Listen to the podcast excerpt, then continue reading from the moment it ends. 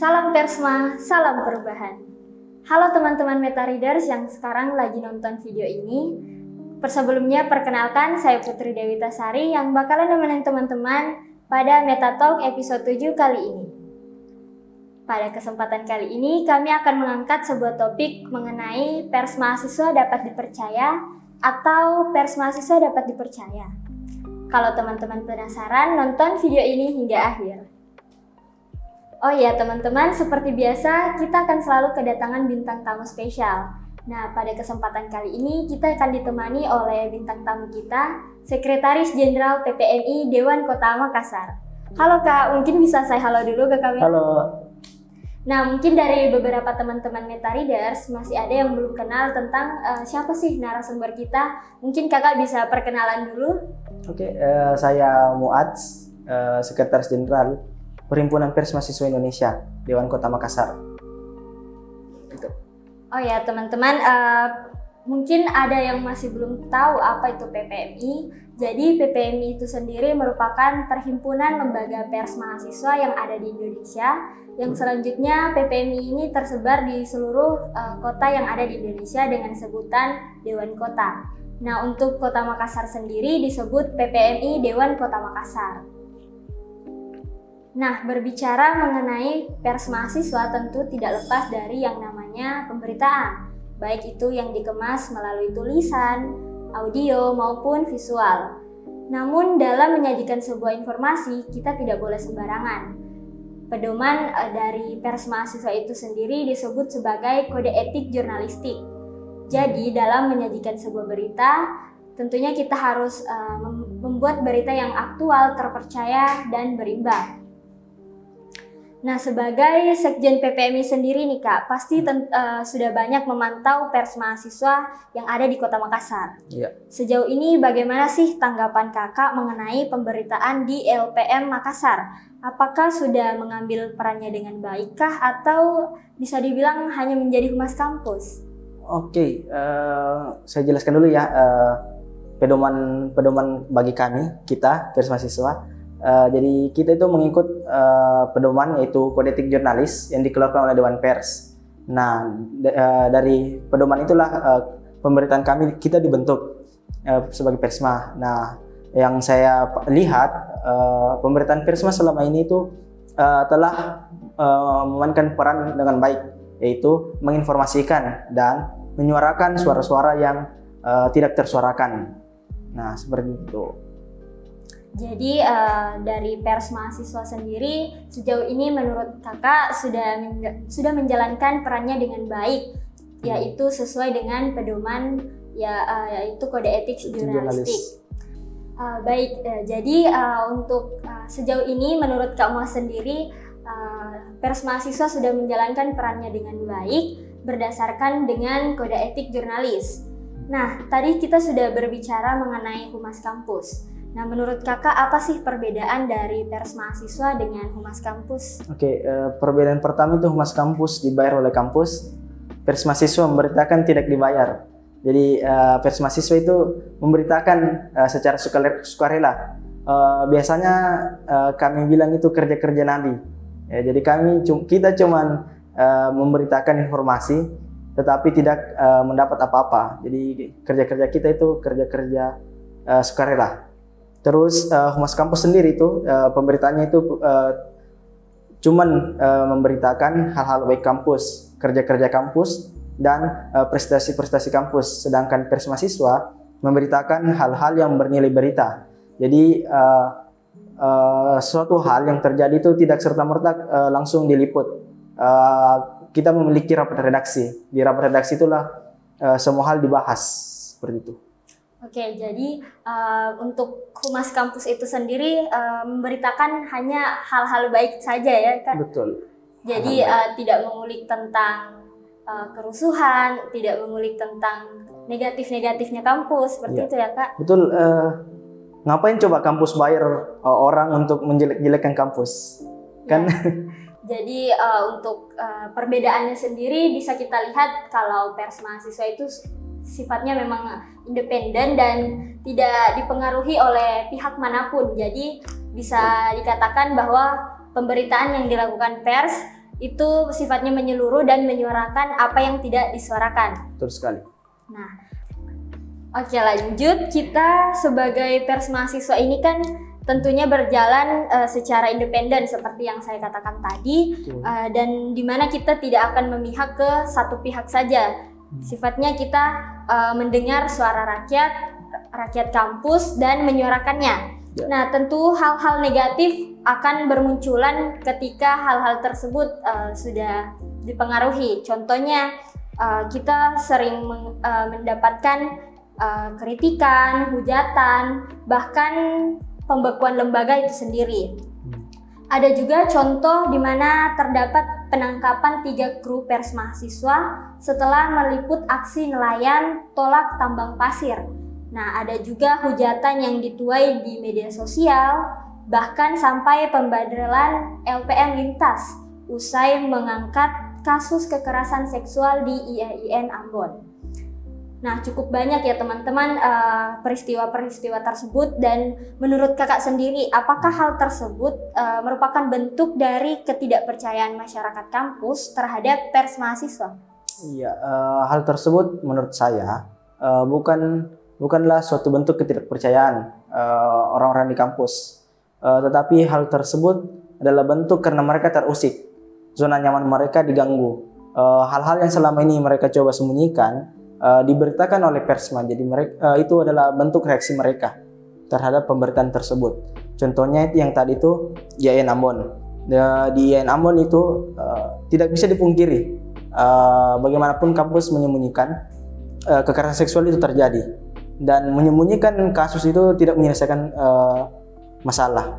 Uh, seharusnya kampus ini berterima kasih ke LPM Lintas karena apa? Karena LPM Lintas telah membantu kampus uh, mencari datanya.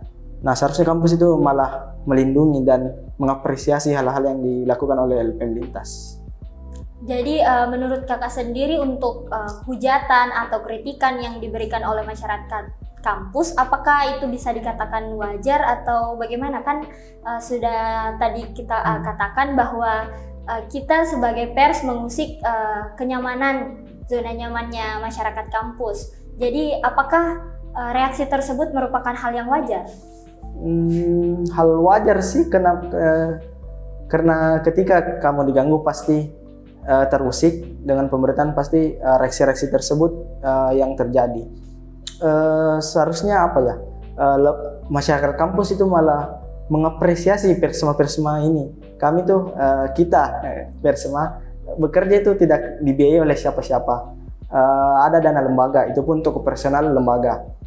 Untuk jalan-jalan uh, kerja-kerja kami uh, sepenuhnya itu karena apa? Uh, sepenuhnya itu untuk pemberitaan, untuk menginformasikan kepada kalian. Jadi hujatan, kritikan uh, apa pun dari uh, masyarakat kampus uh, kami pasti dengar. Uh, baik, jadi uh, seperti itu uh, merupakan kejadian-kejadian uh, atau peristiwa yang sudah tidak lazim ditemukan di kalangan pers mahasiswa. Nah, mungkin ini pertanyaan terakhir kak. Mungkin kakak bisa kasih tips atau saran mungkin kepada teman-teman meta readers mengenai cara memilah mana informasi yang uh, memang bisa dipercaya dan mana informasi yang mengandung berita bohong atau hoax. Mungkin bisa silahkan. Oke, okay, uh, eh, ini dari saya ya.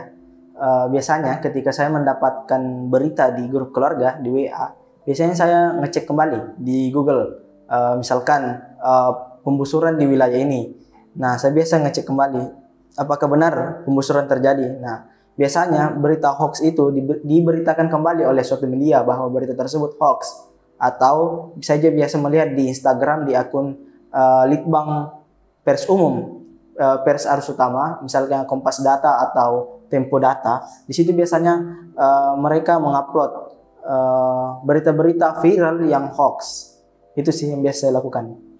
Nah, baik teman-teman, mungkin uh, dari kita sendiri beranjak dari diri kita untuk menerima informasi yang baik atau buruk itu kita harus mengetesnya kembali, kita harus mencari informasi tersebut di media yang sudah tersedia uh, di kalangan saat ini.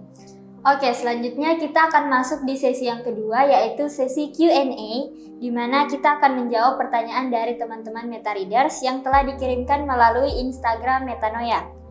Nah, untuk pertanyaan pertama nih Kak, apa sih bedanya pers mahasiswa dan pers umum? Uh, bedanya pers mahasiswa dan pers umum itu yang pertama uh, pers mahasiswa itu tidak dimiliki oleh siapa pun.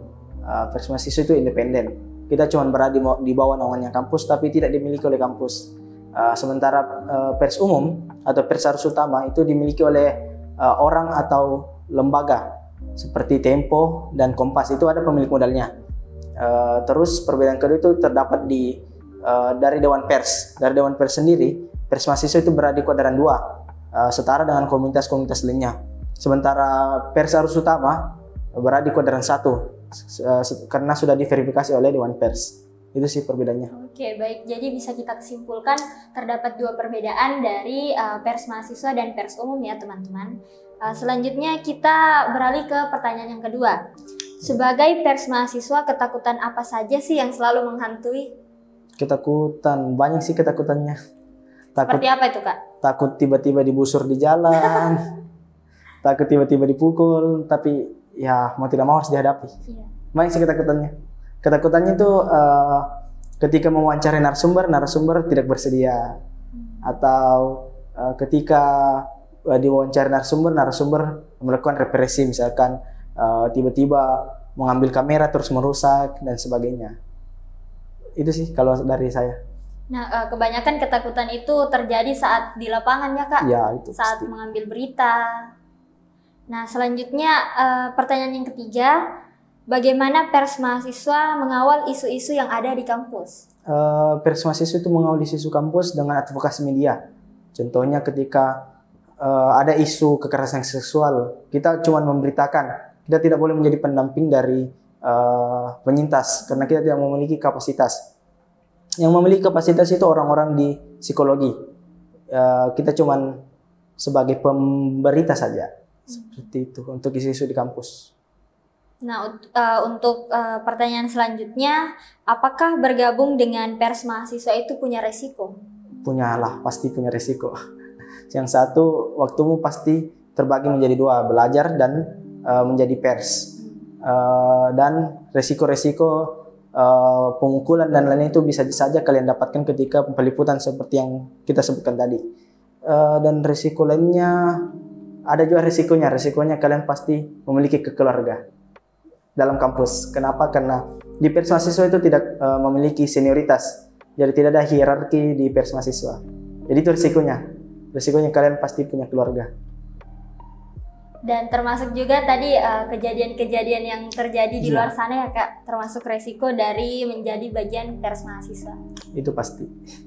Uh, baik teman-teman mungkin uh, untuk sesi Q&A-nya sudah cukup bersama dengan Sekjen PPMI DK Makassar Adapun untuk pertanyaan dari Meta Readers yang belum sempat terjawab, silahkan hubungi langsung kakaknya nih. Boleh dikasih dulu Instagramnya atau sosial medianya kak?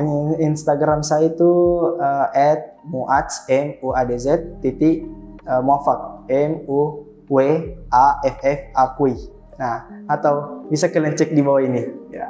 Baik teman-teman yang mau kenalan langsung nih dengan Kamu Mas bisa langsung kunjungi Instagramnya. Ya. Nah sebelum kita tutup mungkin ada pesan-pesan dari kakak untuk lembaga pers mahasiswa yang uh, dari kakak sendiri nih silahkan.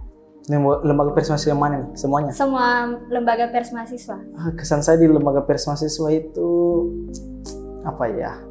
Uh, tidak memiliki sekat. Jadi setiap uh, saya mendatangi sekret-sekret lembaga pers mahasiswa pasti diterima dengan baik, dilayani dengan baik, uh, dijamu dengan baik. Itu sih kesan-kesan saya. Tidak tidak tidak pernah saya datang ke sekret terus ditolak atau bicara seperti ini dibungkam. Jadi pers mahasiswa uh, membuat ruang aman dari kekerasan seksual dan uh, kekerasan kekerasan lainnya. Kalau untuk pesannya sendiri Kak mungkin ada untuk teman-teman pers mahasiswa? Ya tetap independen dan tetap suarakan uh, suara-suara yang tertindas. Baik, uh, uh, semua uh, sudah terjawab teman-teman dan pertanyaan terakhir tadi sangat bagus untuk kita semua pers mahasiswa. Jadi intinya pers mahasiswa merupakan lembaga yang menyampaikan informasi berdasarkan kode etik jurnalis. Di mana teman-teman uh, di luar sana Jangan ragu terhadap pemberitaan kami dan sebisa mungkin kami pers mahasiswa akan menyajikan informasi berdasarkan fakta yang ada di lapangan. Baiklah, sepertinya kita sudah berada di penghujung acara. Dan terima kasih kepada narasumber kami, Kak Muas, yang Sama-sama. menyempatkan hadir uh, pada hari ini. Dan uh, untuk teman-teman semua, jangan lupa like, comment, share, dan subscribe di YouTube kami, Redaksi Metanoyak. Dan tetap nantikan informasi-informasi menarik di portal berita kami di www.metanoyak.id. Dan jangan lupa follow sosial media kami di Persma PNUP. Sampai jumpa di Meta Talk episode selanjutnya. Saya Putri Dewi Tasari, pamit undur diri. Wassalamualaikum warahmatullahi wabarakatuh. Salam Persma, salam perubahan.